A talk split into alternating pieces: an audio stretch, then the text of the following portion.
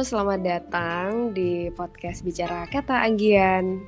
Oke, seneng banget ya rasanya bisa ngobrol bersama Anggian Pasaribu. Dia adalah seorang mahasiswi S2 Komunikasi UGM dan juga uh, dia adalah seorang penulis dan dia sudah merilis satu buku yang dia namanya ya. Pelukan. Dan akankah ada buku-buku yang lain yang akan terbit, Gi? doakan ya pelukan segera punya adik. Wah, amin, amin, amin, amin. Oke, okay, Gi, gimana kabarnya? Uh, baik, puji Tuhan. Shiva gimana kabarnya, Shif? Alhamdulillah. Jadi pen para pendengar semuanya, kita itu adalah teman ketika waktu masa kuliah S1 dulu ya, Gi ya. Yeah. di Bandung dan uh, kita hari ini akan ngomongin tentang sexual harassment atau pelecehan seksual yang di Indonesia masih banyak sekali terjadi ya bahkan uh, tercatat di komnasperempuan.go.id itu ada 431 471 kasus kekerasan uh, terhadap perempuan gitu loh. Dalam waktu 12 tahun pun itu juga meningkat sen, uh, 800 persen berarti yeah. 8 kali lipat peningkatannya daripada yang sebelumnya. Jadi kayak masih tinggi gitu loh uh, untuk angka kekerasan terhadap perempuan. Kayak misalnya pemerkosaan atau catcalling atau pelecehan-pelecehan yang lainnya. Kayak gitu kan ya Gi ya? Iya, Terus, iya bener banget. menurut Anggian gimana dalam memandang fenomena ini gitu? Uh, sebenarnya kalau kita bicara tentang seksual harassment itu ya Syif Mm -hmm. Kalau menurut aku uh, kita mesti melihat ke akarnya dulu sih. Mm -hmm. Kenapa ini kan ini kan jadi pertanyaan besar buat kita. Kenapa sih uh, kok kayaknya uh, kasus kekerasan seksual pada perempuan gitu. Mm-hmm. Semakin tahun jumlahnya semakin meningkat gitu. Mm-hmm. Uh, kenapa seolah-olah kekerasan seksual ini menjadi masalah yang nggak selesai-selesai? Uh, mm-hmm. Kalau menurut aku kita harus melihat ke ke akarnya dulu lagi apa sih sebenarnya yang menjadi penyebab utama atau penyebab paling besar dari terjadinya seksual harassment ini gitu. Mm-hmm. Kalau misalnya aku pribadi sih ngelihat uh, kekerasan seksual ini bisa terjadi dan ikut dilanggengkan, bisa bertahan sampai saat ini, itu adalah karena uh, budaya patriarki salah satu penyebabnya menurut mm-hmm. aku ya. Gitu. Mm-hmm. Uh, kenapa bisa budaya patriarki menjadi salah satu penyebab? Karena uh, kita tahu ya uh, di negara kita kalau kita ngomongin masalah uh, seks seks dalam artian jenis kelamin maksud aku mm -hmm. adalah ada laki-laki dan perempuan yang itu kita tahu tidak mm -hmm. bisa dirubah gitu kan itu mm -hmm. sudah sudah dari kita lahir gitu mm -hmm. tapi gender gender itu adalah sebuah konstruksi yang dibentuk oleh kebiasaan uh, di masyarakat gitu mm -hmm. tetapi kebanyakan aku ngomongin di negara kita aja kebanyakan yeah. di negara kita uh, gender itu harus sesuai dengan seks kamu. Ketika kamu laki-laki, mm kamu harus menjadi seorang yang maskulin. Ketika kamu perempuan, yeah. kamu harus menjadi seorang yang feminin. Kurang lebihnya mm -hmm. seperti itu gitu. Mm -hmm. Jadi uh, karena adanya budaya patriarki tadi, laki-laki itu selalu dianggap harus lebih baik, lebih kuat, lebih berkuasa dibandingkan perempuan.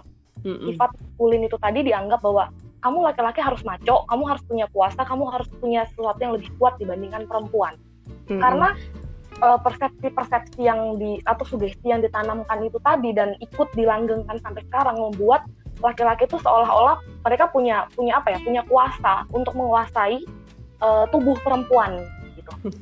Jadi iya benar. Uh, jadi pemerkosaan, kemudian pelecehan kepada perempuan gitu itu dianggap menjadi sesuatu yang lumrah terjadi gitu. Nggak apa-apa, mm -hmm. memang memang memang layaknya kita laki-laki untuk bisa menunjukkan kekuasaan kita misalnya gitu. Mm -hmm hmm. adalah dengan cara mendominasi itu tadi. Gitu. Nah, Gi, tadi kan Anggian kan uh, sempat bilang uh, tentang seks dan gender. M mungkin bisa dijelasin Gi kayak gimana perbedaannya seks dan gender itu. Kalau simpelnya mm -hmm. ya, kalau menurut aku kalau seks, kalau kita ngomonginnya seks itu adalah jenis kelamin itu tadi, laki-laki, perempuan gitu. Tapi uh, kalau kita ngomonginnya gender, gender itu sesuatu yang udah dibentuk atau dikonstruksi ulang. Hmm. Itu tuh dibentuknya tuh atas dasar kebiasaan yang ada di masyarakat, kehidupan sosial, budaya misalnya hmm. nih, misalnya.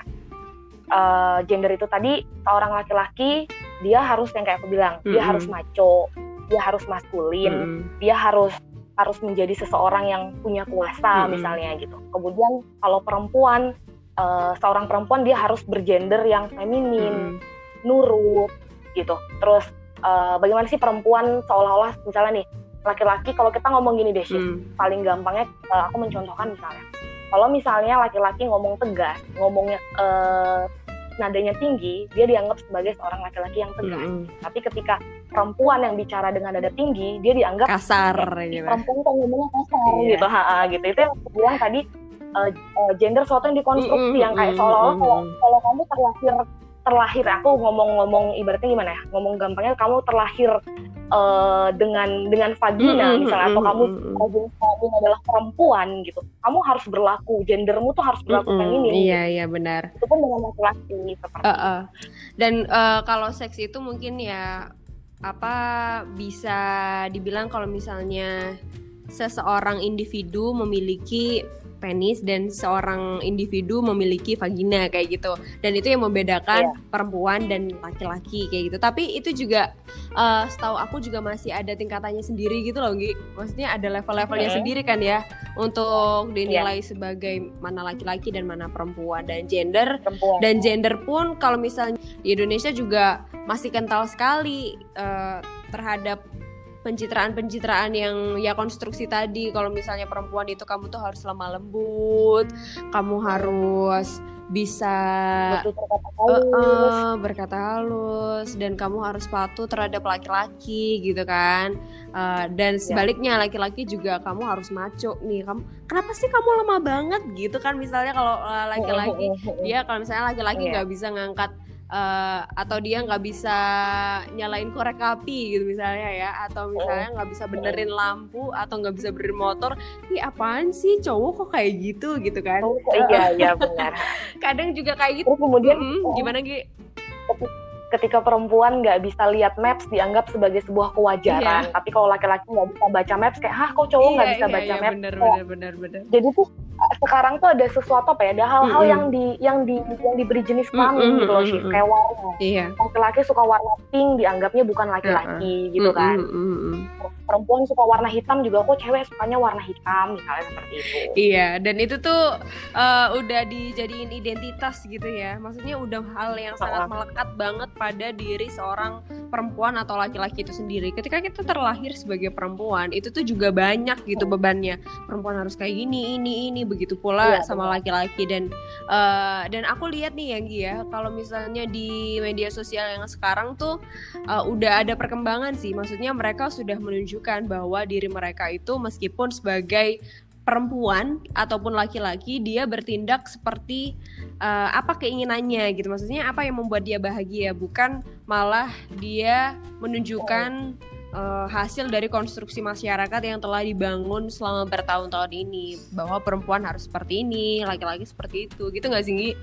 Iya, iya, iya benar. Aku juga ngerasa kayak maksudnya uh, perempuan sendiri. Aku melihat mereka udah mulai apa ya? Aku bukannya bukannya bukannya memberontak ya, mm -hmm. tapi menyadari bahwa ya kita sebagai perempuan dan dan apa ya tubuh kita secara utuh tuh mulai dipahami ini adalah tubuh kita. Mm -hmm. Artinya uh, tubuh secara utuh adalah milik kita tuh artinya bahwa ya ya aku terlahir sebagai seorang perempuan uh, aku punya hak yang sama mm -hmm. dengan dia yang terlahir sebagai seorang laki-laki. Mm -hmm. Jadi jangan jangan karena aku adalah perempuan aku jadi punya apa ya punya hal-hal yang nggak bisa aku dapetin layaknya laki-laki. Iya benar. Nah tadi kan uh, kita balik lagi masalah kasus tentang sexual harassment yang akarnya menurut Anggian adalah budaya patriarki yang sudah terbangun gitu kan. Nah terus kira-kira nih Gi, uh, kita sebagai generasi yang sekarang nih uh, kita hidup di masa sekarang nih kira-kira kita harus berlaku seperti apa gitu ketika kita menghadapi hal-hal yang seperti itu kayak misalnya kita dilecehkan atau kadang tuh ya kayak sering banget gitu kita perempuan uh, biasanya dapat catcalling kayak misalnya assalamualaikum cantik gitu. Hai hai assalamualaikum mbak. Mbak jutek banget sih gitu kan eh mbak mbak mbak mbak apalah kayak gitu. Dan itu mungkin uh, bagi seorang bagi orang-orang lain itu terlihat wajar karena mungkin udah budaya gitu kan. Maksudnya itu dianggap hal-hal yang seperti biasa. Padahal kan itu menurut kita bukan uh, apa ya menurut beberapa pandangan kan juga kayak maksudnya itu bukan hal yang patut untuk dibanggakan. Kalau misalnya lu bisa iya, ngegoda iya. seorang perempuan kayak gitu kan Gi kalau misalnya menurut aku ya, aku pribadi adalah uh, salah satu orang yang cukup sering mendapatkan pelecehan seksual mm -hmm. di media sosial. Tapi jadi uh, Twitter aku tuh sering banget masuk DM DM yang orang tiba-tiba ngirim alat kelaminnya dia mm -hmm. gitu. Mm -hmm. uh, kalau misalnya aku aku sendiri ya, kalau untuk untuk orang yang menjadi korban ya, mm -hmm. untuk orang yang menjadi korban, kalau misalnya masih sanggup masih bisa untuk melawan kalau aku sih melawan kayak orang-orang yang ngirim-ngirimin gambar-gambar mm -hmm. uh, pot alat alat kelamin yang aku tuh kan aku masih di titik yang aku masih sanggup melawan mm -hmm. gitu. aku, aku ah, kalau aku mau marah aku akan marah maksudnya aku bales dengan dengan hal-hal yang menurut aku perlu aku sampaikan ke dia mm -hmm. gitu terus tapi kalau misalnya di catcalling misalnya gitu tapi ada misalnya kan kita suka ya kayak uh, korban-korban pelecehan atau kekerasan seksual tuh sering banget mereka tuh ketika mengalami kasusnya tuh kayak tiba-tiba nggak punya nggak punya keberanian iya. untuk ngapain iya, gitu ya iya kan? bener kayak misalnya kita kayak misalnya nih ya kita tuh tahu kalau kita digoda gitu kan mm-hmm. kita tahu mm-hmm. kalau misalnya kita tuh kayak dilecehkan kayak dijadiin mm-hmm. bahan lelucon itu kita ketika kita berhadapan seperti itu kita tuh kayak otomatis kayak lemes gitu loh kayak kita nggak bisa ngapa-ngapain gitu kita nggak bisa uh, berontak kita nggak bisa apa ya kita nggak bisa ngelawan gitu loh kayak aja terus kita harus ngapain gitu. Padahal ya dalam hati kita tuh kayak ngerasa bahwa ih lu ngapain sih? gitu kan. Kayak kita nggak terima tapi kita nggak bisa ngelakuin apa-apa gitu kan. Kalau menurut aku sih shift biasanya ya maksudnya uh, salah satu salah satu faktor yang ngebuat kita jadi kayak tiba-tiba takut hmm. gitu ya. Kalau menurut aku tuh bahwa karena doktrin di kepala kita yang itu tadi dari awal kita tuh berpikir bahwa laki-laki tuh selalu lebih kuat daripada perempuan. Mm -hmm. Jadi ketika kita berada di kondisi yang terancam mm -hmm. misalnya gitu, kita berada di kondisi yang kayak misalnya kita lewat jalan mm -hmm. gitu mau ke warung ada gerombolan cowok-cowok, piwit cewek nih, lihat senyum dong, dong misalnya gitu gitu dan segala macam. Kan kita ngerasa itu posisi kita terancam mm -hmm. ya gitu. Uh, kalau aku kalau aku pribadi sih kayak uh, kita tuh mulai untuk uh, kayak apa ya kayak berpikir bahwa ya aku dan dia nih sama-sama manusia gitu hmm. Aku dan dia nih sama-sama orang, sama-sama kayak kalau misalnya aku uh, ada di posisi yang diperlakukan tidak seperti semestinya hmm. gitu. Harusnya tuh aku kayak apa ya? Kayak ya kalau aku punya keberanian untuk ngelawan tuh ngelawan gitu. Misalnya nih, hmm. kalau misalnya udah mulai ada ada ada sebuah tindakan-tindakan yang mencurigakan gitu, hmm. kayak ngegoda dan segala macam tuh liatin balik aja. Kalau misalnya mereka kayak cewek gitu liatin balik kenapa apa manggil-manggil kenapa gitu. Sebisa mungkin untuk untuk apa ya Ngelawan aku gitu untuk ya. kayak biasanya, biasanya orang-orang yang orang-orang yang kayak gitu tuh modal modal ramean doang. Beraninya karena rombongan-rombongan aja gitu loh. Sih jadi kayak lagi masih sanggup untuk itu tadi saya bilang lagi masih sanggup untuk ngelawan untuk angkat kepala buat natap mata dia juga gitu lakuin itu gitu. Kan uh, beda kasus kayak ada yang uh, kekerasan seksualnya udah udah kelas mm -hmm. berat ya gitu ada yang melakukan pemerkosaan mm -hmm. misalnya atau bahkan sampai ada kekerasan dalam bentuk uh, entah dilukai secara fisik dan segala mm -hmm. macam kan ada itu yang sudah berat mm -hmm. gitu. mungkin itu kan itu pasti kan kayak apa ya kondisinya tuh lebih lebih apa ya lebih sulit untuk dilawan mm -hmm. mungkin entah entah karena dia nggak punya senjata atau dia nggak punya nggak punya apa sesuatu untuk melawan dan segala macam gitu itu sih sebenarnya yang yang buat aku juga masih masih jadi apa ya masih jadi sesuatu yang miris gitu loh Shift karena sering kali kasus-kasus pemerkosaan itu dilakuin tuh bukan oleh orang-orang yang nggak kita kenal orang itu justru sering kenal. banget tuh justru justru sekarang ini aku sering banget ngeliat di sosmed dan segala macam gitu justru banyak banget yang kasus-kasus kekerasan seksual kelas berat seperti pemerkosaan misalnya hmm. itu itu dilakuin oleh temennya sendiri hmm. gitu loh iya. dilakuin oleh hmm dosennya sendiri misalnya kayak gitu jadi apa ya kayak kalau aku sih misalnya misalnya kayak gitu tuh sebisa mungkin kita udah apa ya udah udah ngebaca situasi sih udah ngebaca kayak kan kelihatan ya gerak gerik mm -mm. gerak gerik orang-orang yang mengarah ke arah-arah mengancam kita mm -hmm. gitu loh jadi kalau misalnya dirasa dirasa ada sesuatu yang udah nggak bener udah nggak kayak ini ini ini nggak bener deh ini kayaknya nggak mm -hmm. ini deh gitu mm kalau bisa masih bisa minta pertolongan minta pertolongan entah chat atau hubungi siapa gitu. Mm-hmm. berarti gitu, dari kitanya sendiri juga harus kayak apa ya memberanikan diri gitu ya mulai dari sekarang untuk ngelawan entah itu mulai dari natap matanya balik atau kayak mau apa lu kayak gitu atau uh, kalau misalnya kita ke mana-mana ya kita minta temenin temen gitu yang kita percaya gitu yang gitu.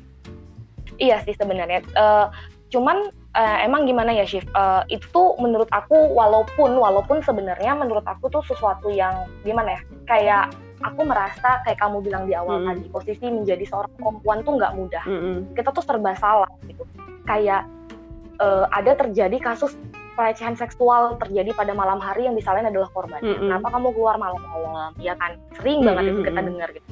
Kemudian ngapain perginya sendirian? Kenapa nggak minta temenin? Jadi seolah-olah gimana ya sih?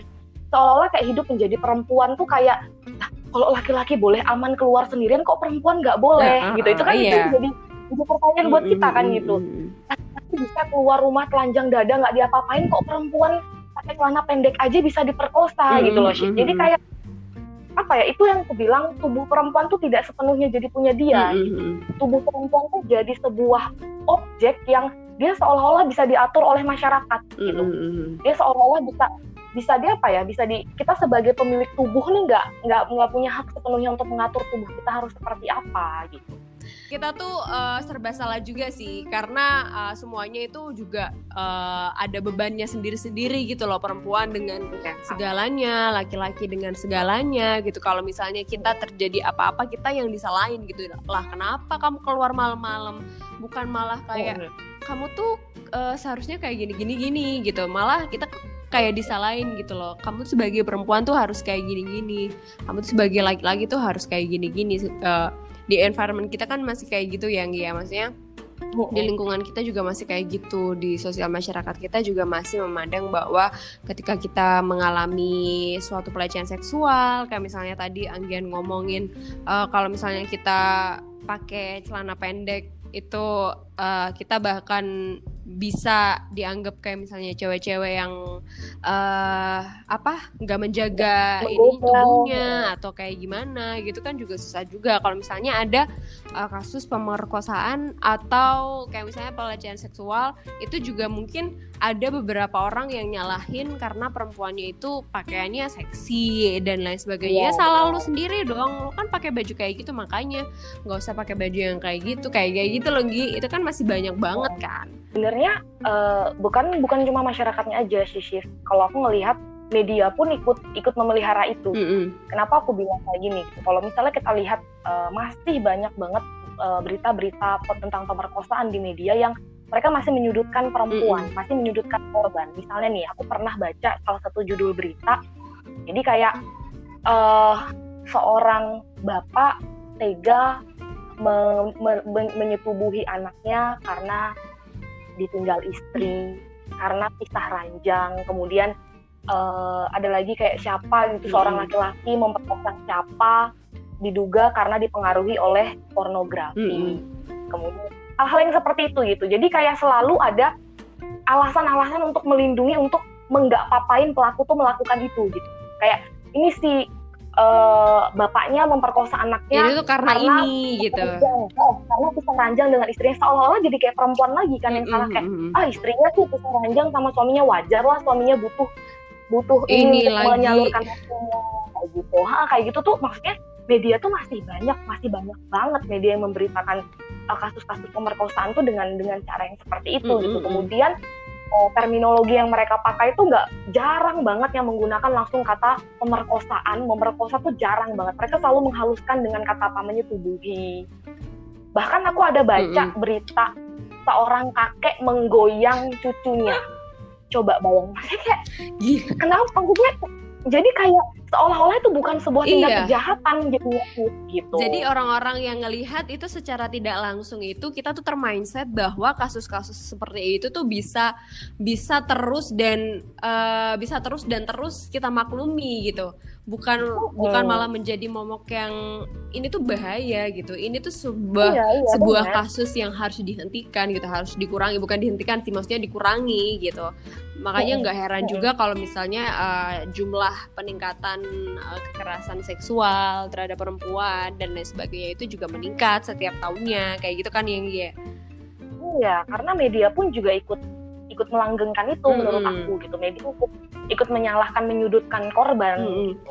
nah Gi aku juga pernah uh, wawancara sih bukan wawancara sih ngobrol-ngobrol sama anak-anak hmm. yang masih SMA atau SMP kayak gitu kan karena uh, aku termotivasi dari berita yang pernah nggak sih sempat viral di Twitter itu yang anak yang uh, dilecehin sama teman-temannya yang laki-laki tahu nggak sih yang dikeroyok itu loh anak SMA oh yang siapa sih namanya tuh?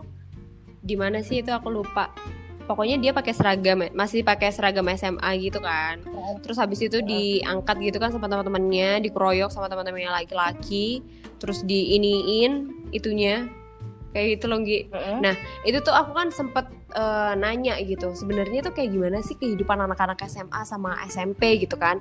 Uh, terus aku nanyain kan emang gimana tipe-tipe wanita yang digituin gitu. Kenapa mereka tuh sampai digituin? Ada beberapa macam mbak kayak gitu. Dia bilang kayak gitu. Ada beberapa macam. Yang pertama adalah cewek itu tuh berani gitu. Maksudnya kayak uh, suka iseng gitu loh ke cowok. Itu yang pertama. Hmm. Atau yang kedua adalah cewek yang gak ngapa-ngapain gitu. Cewek yang diem gak ngapa-ngapain. Kalau misalnya dia dibully, dia diem kayak gitu itu adalah bisa menjadi sasaran korban. Dan itu aku kayak kaget gitu loh. Hah? Terus dia nggak salah nggak ngapa-ngapain kenapa dia dibully gitu loh. Kenapa dia dibully oh. dan uh, menerima sebuah pelecehan seksual gitu. Jadi tuh kayak gimana ya? Sepertinya itu uh, sex education juga itu juga masih rendah gitu loh di di mana tuh namanya? Di uh, di Indonesia gitu. Di sekeliling kita maksudnya Iya, iya benar sih. Kalau menurut aku ngelihat uh, pendidikan seks di Indonesia ini masih dianggap tabu banget sih, mm -hmm. masih sangat tabu sekali gitu. Dari paling sederhana aja gitu, kayak misalnya nih, uh, aku nih nongkrong sama teman-teman mm -hmm. gitu. Aku aku nggak perlu bilang orang lain, aku ngeliat ngeliat ngeliat di dekatku sendiri aja mm -hmm. gitu. Aku lagi nongkrong sama teman-teman, terus kemudian uh, lagi ngomongin apa gitu aku lupa. Pokoknya intinya aku bilang bahwa aku nggak oh mau pada mau ngajakin berenang dan segala macam gitu lah. Mm -hmm. pokoknya itu udah udah agak lama. Mm -hmm. terus aku bilang aku nggak bisa aku lagi mens eh aku bilang gitu kan. Mm -hmm. terus itu aku langsung disenggol sama teman cewekku ih kamu tuh ngomongnya emang nggak bisa dihalusin datang bulan? Kayak gitu loh sih jadi kayak iya iya iya apa yang salah dari kata menstruasi. Emang itu emang itu cara biologis kita perempuan mengalami itu kan uh, uh, gitu. iya kan? Jadi kayak bahkan aku ngomong mens aja tuh dianggap nggak sopan. Gitu dianggap kayak kan ada ada istilah yang lebih halus bilang aja datang bulan ada tamu bulanan kayak nah kenapa sih? Gitu maksud aku kayak eh, hal-hal yang kayak gitu gitu. Ketika, ketika kita ngomong itu tadi uh, kita nggak bisa semudah semudah itu ngomong vagina penis mm -mm, di depan semua orang mm -mm, tuh nggak nggak mm -mm, semudah itu sih gitu. Mm -mm, ada menilai kita sebagai perempuan barbar lah nggak tahu sopan santun lah bahkan dibilang cewek porno lah mm -mm. gitu loh. Aku bahkan nih mm -mm udah sebulanan sebulanan lebih terakhir ini kan aku sering share kalau kamu uh, sering lihat mm -hmm, di story aku yeah. share buku-buku yang aku baca yeah. kan sedikit aku kasih sedikit sedikit review dan mm -hmm. uh, berapa minggu terakhir tuh yang aku share tuh adalah buku-buku berbau seksual mm -hmm. seksualitas itu tentang perempuan dan seksualitas mm -hmm. itu beberapa buku yang aku share dan respon yang nge-replay storyku tuh ber beragam banget sih mulai dari yang kayak penasaran eh. mulai dari kayak ini tentang apa kak dan segala macam sampai sampai ada yang kayak ngatain aku tuh perempuan gila seks katanya. Oh my god. Jadi kayak iya gitu maksudnya uh, di sana kan kita bisa ngelihat uh, bahwa uh, uh, uh. oh ternyata pendidikan seks tentang iya pendidikan tentang seks ini masih segitu uh, uh. tabu ya gitu loh. Kita nggak usah jauh-jauh ngomongin tentang bagian mana yang perlu yang dari perempuan yang harus dilindungi segala maksudnya kayak kita ngomong vagina dan penis aja sesimpel itu aja tuh dianggap masih Tabu, banyak yang anggap gitu. kita masuk uh, uh, uh, uh, gitu. Uh, uh, uh. Jadi kayak uh, apa ya mungkin bahkan di dalam keluarga pun juga Iya nggak sih, kayak kita tuh nggak nggak bisa sebebas itu sharing tentang iya. seksualitas. Benar, kan, benar, benar, kita, benar, kan? benar, benar, benar. Soalnya itu juga dianggap kayak misalnya eh, nggak uh, sopan atau kayak gimana atau nggak pantas mm. atau kayak gimana. Kan aku juga salah satu korban gitu kan. Maksudnya uh, aku iya, iya, menganggap bahwa hal-hal yang seperti itu adalah hal yang sangat-sangat hmm, sangat sensitif sekali gitu kan, sangat uh, apa ya malu banget untuk mengucapkan itu sampai pada akhirnya aku nggak ngerti istilah apa pun gitu kan. Aku kayak gak ngeh gitu maksudnya. Dan itu iya, bahaya ya, gitu. Iya iya bener. Karena soalnya kan zaman sekarang tuh anak-anak tuh udah punya banyak istilah ya. Maksudnya kayak iya kan ibaratnya kalau misalnya kita yang kita tahu uh, misalnya melakukan hubungan seksual itu adalah bahasa bahasa Indonesia yang kita tahu ya mbak. Tapi kan anak-anak muda zaman sekarang mana mana menyebutnya kita melakukan hubungan seksual. Bukan bukan itu yang disebut mereka gitu. Maksudnya mereka menciptakan istilah-istilah lain yang yang mungkin sama anak muda aja yang tahu itu gitu.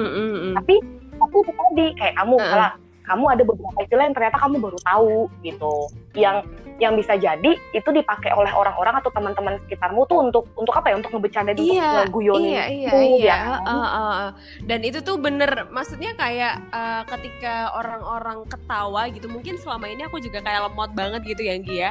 mungkin selama ini orang-orang ketawa gitu dengan istilah-istilah yang mereka pakai dan itu aku nggak ketahui itu tuh kayak ternyata istilah yang uh, istilah yang apa ya istilah yang nggak pantas gitu nggak bagus. Juga diem aja orang kita nggak ngerti apa yang mereka ini ya. uh, dan itu ternyata penting banget loh sex education itu. Dan uh, gimana ya bukan jadi apa ya jadi pembelajaran juga bagi kita bagi aku juga ya karena aku telat banget oh. untuk belajar tentang hal-hal tersebut gitu kan. Apalagi kalau misalnya kita masuk kelas itu nggih masuk kelas uh, apa namanya gender and sexuality itu kan kita buka-bukaan banget kan ya. Bahkan kita pun sebagai perempuan itu kita ada beberapa istilah yang gak ngerti gitu ternyata oh ada ini oh ada ini oh ada ini kayak gitu. Meskipun kita belajar tentang biologi pas waktu SMP SMA tapi kan tetap aja istilah yang digunain di sehari-hari itu pasti juga sangat berbeda kan Gi? Benar-benar dan itu uh, perlu banget sih ya ternyata. Dan perlu banget. Uh, uh, dan mungkin uh, bisa dikasih tips nggak Singgi untuk anak-anak kayak misalnya SMA atau SMP tanpa uh, untuk mengetahui sex education itu seperti apa gitu tanpa harus mereka itu uh, termotivasi untuk melakukan hal-hal tersebut atau kayak gimana gitu nih? Kalau menurut aku yang pertama itu adalah membaca sih maksud aku kenapa ini ini basic banget sih shift cuman ya dari membaca itu tuh kita tahu gitu maksud aku gini di usia-usia SMP SMA tuh adalah usia-usia masa-masa labilnya kita nggak mm -hmm. sih kayak kita tuh ngambil keputusan tuh nggak pikir panjang mm -hmm. dan segala macam gitu uh, di di masa-masa itu menurut aku tuh habisin banyak banyak waktu kalian sebisa mungkin untuk membaca mm -hmm. uh, terutama tentang sex education ini tadi gitu ada banyak banget media yang bisa kalian pakai nggak perlu di buku jurnal majalah mm -hmm. artikel pokoknya paling simpel banget kalau misalnya paling mudah ya dan paling gampang kamu tuh itu adalah uh, artikel-artikelnya Magdalen itu maksudnya menurut aku itu ringan dan dan gampang untuk dicerna, hmm. gampang juga untuk cari di media sosial gitu. Kayak uh, karena dari ngebaca itu kita tuh jadi tahu bahwa uh, dari apa sih di bagian-bagian tubuh kita nih yang yang kalau misalnya ini ketemu ini jadinya apa gitu loh shift jadi kayak mm -hmm. karena gini loh ada banyak banget di Twitter terutama mm. Twitter kan lagi lagi lagi masa-masa banyak banget orang pada kayak share-share tweet-tweet mm -hmm. gitulah tentang tentang katanya tentang ngewe dan segala macam lah dan dan ketika aku baca sih ketika aku baca mm -hmm. hampir hampir aku nggak tahu apakah itu settingan apakah itu beneran terjadi mm -hmm. gitu. cuman itu jadi fenomena yang cukup banyak terjadi di Twitter mm -hmm. gitu dan rata-rata tuh yang pada buat tweet itu adalah perempuan yang pada skill atau speak up bahwa mereka uh, pernah tidur tidur bareng dengan seorang laki-laki kemudian ditinggal pergi nggak tahu tiba-tiba cowoknya ke mana dan segala macam itu mereka sebut sebagai mereka sebut kayak mereka minta pertanggungjawaban dan segala macam gitu oh. gitu loh ada yang sampai oh. hamil ada yang ada yang ibaratnya kayak nggak terima hmm. katanya uh, keperawanannya pertama kali dilepasin sama si cowok itu dan segala macam gitu nah aku dari sana sebenarnya berpikir bahwa mereka ini paham nggak sih? Ketika kamu melakukan hubungan seksual emang apa yang kamu harapkan? Maksud aku sperma masuk ke sel telurmu memang kamu berharap menjadi apa kalau bukan jadi bayi gitu loh. maksud aku kayak yang kayak gitu gitu. Kayak kamu tahu berpikir bahwa usiamu segini mm-hmm. usiamu segini. Kayak ke depannya apakah kamu ya? Kalau misalnya kamu mau melakukan hubungan seksual dengan seorang laki-laki yang misalnya anggaplah kamu sayang banget mm-hmm. ibaratnya gitu ya. Kamu berpikir belum uh, ke depannya apakah kamu yakin kamu akan bisa dengan dia kalau kamu nggak bisa dengan dia kamu udah bisa menanggung resikonya atau enggak mm -hmm. gitu loh maksud aku kayak uh, dan dan dan itu pola-pola berpikir seperti itu bisa kita dapatkan kalau kita ngebaca sih kenapa aku bilang kayak itu karena kita harus tahu dulu mm -hmm. harus paham dulu bahwa uh, oh iya ya kalau aku ngelakuin hubungan seks tuh kayak gini. Kalau aku ngelakuin hubungan seks tuh kayak gini apa dan segala macam segala macam. Kemudian kalau misalnya aku nggak sampai nggak sampai ngelakuin hubungan seks nih tapi misalnya cuman cuman apa ya kalau bahasa anak zaman sekarang misalnya cuman grepe grepe dan segala macam. Gitu. iya. Iya kan? Banyak istilah itu mereka kayak gitu tuh kayak uh, apa yang bakal aku dapetin uh. apa yang bakal terjadi sama aku dan segala macam dan segala macam gitu. Kayak kamu bisa membentengi atau melindungi dirimu sendiri kalau kamu paham dulu tubuhmu tuh seperti apa gitu. Kalau kamu nggak ngerti tubuhmu secara utuh gimana kamu mau ngelindungin mereka mm-hmm. gitu kayak bagian mana yang boleh di kalau aku pacaran mm-hmm. dia boleh melakukan atau menyentuhku sampai mana aja mm-hmm. gitu kan kita bisa memberi batasan ketika kita paham dulu secara utuh tubuh kita mm-hmm. gitu dan kalau aku pribadi aku tidak menyalahkan misalnya kayak ada orang yang melakukan hubungan seksual di luar menikah di luar hubungan mm -hmm. pernikahan gitu ya terserah mereka asalkan kamu tahu resikonya apa asalkan kamu tahu uh, kamu nggak kamu kamu bisa menerima apa yang akan terjadi kalau kamu melakukan itu gitu mm -hmm. Mm -mm. aku kalau menurut aku maksudnya uh, gak perlu takut dibilang kamu perempuan liar hanya karena bacaan-bacaanmu tentang seksualitas. Mm -hmm. Nggak perlu takut kamu dibilang perempuan barbar, perempuan gila seks hanya karena kamu belajar tentang tubuhmu sendiri. Mm -hmm. Nah, itu tadi sih. Uh, maksudnya stigma-stigma perempuan itu dikatakan perempuan gila seks, perempuan uh, barbar, perempuan nakal dan segala macam hanya karena dia belajar tentang seksualitas itu adalah tercipta gara-gara budaya patriarki mm -hmm. itu tadi gitu kayak kita perempuan tuh tidak diberikan hak atau tidak diberikan ruang sama ini tubuh kita diatur oleh orang-orang atau pihak di luar tubuh kita sendiri. Jadi ketika kita kita hmm. mencoba untuk mempelajari tubuh kita secara utuh tuh uh, kita kemudian didoktrin lagi dengan stigma nggak boleh perempuan tuh nggak boleh itu apa dan segala macam. Ada satu buku hmm. yang menurut aku keren banget itu dia judulnya adalah The Orgasm Project. Oh, yang The O Project atau The Orgasm Project hmm. itu bukunya Tirliana hmm. Purwanti yang covernya warna hijau. Dia bicara tentang hmm. uh, orgasme pada perempuan. Tapi uh, kalau misalnya kita ngomongin orgasme pada perempuan ya sih, kayak aku aja di tongkrongan kadang hmm. kadang di tongkrongan sama teman-teman cowok gitu. Mereka santai banget ngomongin tentang mereka coli, mimpi basah, apa dan segala mm. macam. Mereka santai banget ngomongin tentang itu. Tapi ketika mengangkat bicara misalnya tentang mm. tentang uh, orgasme pada perempuan gitu, nggak nggak sedikit yang kayak gila nih anggiannya emang dasar perempuan liar. Kayak menurut aku gini loh, hubungan seks dilakukan oleh dua orang, kenapa mm. yang boleh nikmat cuma satu orang mm. aja gitu loh. Kayak ya kan, itu juga yang kayak ketika laki-laki boleh punya hak atau kebebasan mm -hmm. untuk belajar tentang tubuh mm -hmm. mereka, kenapa perempuan nggak boleh gitu?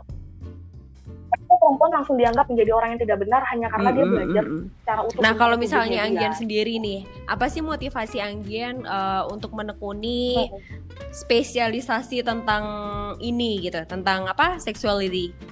Kalau aku sih ya aku perempuan dan seksualitas sih sekarang mm -hmm. jadi tema yang menurut aku kayak lagi mm-hmm. happy happynya aku pelajari banget ya karena aku shift aku bahkan aku ngerasa mm-hmm. aku terlambat sih baru mempelajari ini sekarang kenapa karena gimana ya itu tadi sih aku berangkat dari uh, aku punya tubuhku tapi kok cara berpakaian pun orang mm-hmm. lain yang ngatur ya aku dari sana dulu sih shift mm-hmm. terus postingan-postingan aku posting posting agak terbuka sedikit kok langsung dapat komentarnya ini dan itu dibilangin nggak mm -hmm. bener lah dikatain apa dan segala macem lah kemudian kemudian di tongkrongan di tongkrongan ketika mm -hmm. aku ngomong kasar terus langsung dikatain kayak nggak bener gitu gitu dan segala macem dari sana aku berpikir bahwa kayak kok aku nggak nggak bisa apa ya nggak bisa bebas mm -hmm. mengatur tubuhku sendiri gitu kemudian aku berpikir aku mulai mencari tahu tentang uh, perempuan tuh berada di titik mana sih sebenarnya gitu dia tuh dia tuh ada di ada di mana kenapa posisi posisi perempuan ini menjadi hmm. menjadi apa ya menjadi serba salah ya kalau kata kamu tadi gitu.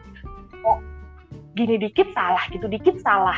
Jadi dari sana aku uh, tertarik untuk belajar tentang perempuan tentang tubuh perempuan tentang seksualitas pada perempuan. Karena dari sana aku melihat kalau uh, aku nggak tahu sih misalnya aku belajar menulis atau share tentang hal-hal yang berbau perempuan dan seksualitas gitu apakah itu akan memberi dampak atau enggak buat orang lain sih? Aku nggak hmm. kalau aku pribadi aku nggak terlalu jauh berpikir ke sana sih. At least di diriku sendiri. At least aku sebagai seorang perempuan aku bisa menempatkan diriku sebagaimana aku mau ditempatkan gitu. Jadi kayak dengan belajar tentang perempuan dan seksualitas ini aku tahu bahwa oh aku perempuan aku nggak nggak boleh apa sih kalau kita bilang tuh bukunya siapa sih sih yang ngomongin tentang second sex ya perempuan itu kan gitu. Jadi kayak hanya karena aku perempuan bukan berarti uh, aku nih nggak hmm. nggak boleh ini dan nggak boleh itu. Bukan berarti aku bisa disalahkan ini dan disalahkan itu gitu. Dan dan ternyata sekompleks itu masalah yang dihadapi perempuan. dan terakhir Ninggi uh, untuk perempuan-perempuan yang ada di sekitar kita kita uh, harus bersikap seperti apa untuk selanjutnya dalam konteks sexuality ya? Kalau buat aku kalau buat dari dari aku sih buat perempuan-perempuan di mana pun kalian gitu yang pertama adalah hmm. itu tadi pahami tubuh kalian secara utuh. Nggak usah hmm. takut nggak usah malu. Itu yang paling penting kayak ya ini diri kalian kok kenalin aja nggak apa-apa gitu cari kalau misalkan merasa bahwa kalian bisa belajar seksualitas dari baca buku lakukan kalau kalian bisa belajar seksualitas dari nonton nonton seks, uh, film-film sex education hmm. atau video-video sex education lakukan hmm. uh, tapi tapi satu hal nih uh, belajar tentang seksualitas bukan berarti menjadikan kamu sebagai orang yang bukan berarti itu tuh apa ya jalan menghalalkan kamu jadi kayak hmm. seenak-enaknya melakukan hubungan seks gitu loh sih ini yang ini yang sering kali di disalahartikan gitu. Hanya karena ya tapi kan aku hmm. perempuan terserah aku dong aku mau ngelakuin apa sebebas-bebasnya aku dong. Nih tapi jadi kayak hmm. se enak-enaknya gitu loh sih gitu. Cuman kalau misalnya kamu mau tapi kalau kamu mau melakukan hubungan seks dan kamu paham resikonya hmm. sih ya ya udah monggo gitu. Cuman ada kok yang memang belajar tuh mm pure karena dia memang mau belajar dan mau mengenal tubuh dia secara utuh gitu. Jadi kayak uh, dan itu tadi sih mulai mulai hilangkan doktrin-doktrin di kepala di pikiran kalian bahwa kita nih emang harus didominasi kita nih memang harus selalu hmm. jadi inferior hmm. dibandingkan laki-laki gitu itu hilangkan itu pelan-pelan hilangkan itu karena kalau itu masih ada di kepala kita kita akan terus-terusan terus-terusan apa ya terus-terusan merasa bahwa itu tadi kita nggak punya power ketika kita dihadapkan dengan laki-laki gitu yang membuat yang ngebuat laki-laki jadi gampang hmm. untuk mendominasi. Oke deh, ya Allah kayaknya uh, panjang banget ya diskusi kita kali ini dan sama aja kayak gini gak sih ketika kita belajar tentang LGBT gitu kan. Ini kan juga eh, ini kan juga termasuk bahasan di sexuality juga kan ya ya. Nah, ketika kita belajar tentang LGBT terus ya, kita ya. ngelakuin penelitian juga di sana, maksudnya kita observasi gitu kan, kita terjun ikut komunitasnya kan bukan berarti kita juga uh, ikutan gitu kan kita bukan bagian dari lesbian atau kita bukan iya, bener, bagian bener. dari uh, transgender bener. gay atau yang lain sebagainya kayak gitu juga kan dan nggak ada salahnya juga kalau misalnya kita belajar iya. tentang hal apa pun asalkan kita tahu batasnya asalkan kita tahu bagaimana caranya kita bersikap dan balik lagi ke niat kita kenapa kita iya, uh, belajar ini untuk bisa mungkin untuk bisa sharing ke teman-teman ini kayak misalnya kayak misalnya Anggian juga gitu kan. Anggian sangat expert sekali di dunia di bidang sexuality ini, gender and sexuality perempuan. Dan ini uh, mungkin ya bagi yang denger ini pasti akan banyak efeknya ya, maksudnya banyak uh, interpretasi masing-masing gitu orang ketika mendengar kayak gini tapi ya, Uh, niat kita untuk kita ngebahas tentang ya. ini bukan karena kita menyuarakan eh bukan karena kita membela perempuan yang lebih atau membela laki-laki yang lebih tapi ini cuma sekedar ya. sharing ilmu dan uh, ini penting banget untuk kita ketahuin gitu. Oke, okay, thank you so much Anggian for iya. today. selalu di studinya dan kegiatannya kegiatan nulisnya dan juga. untuk pendengar semuanya sampai jumpa di iya. episode ya. selanjutnya di bicara kata bye bye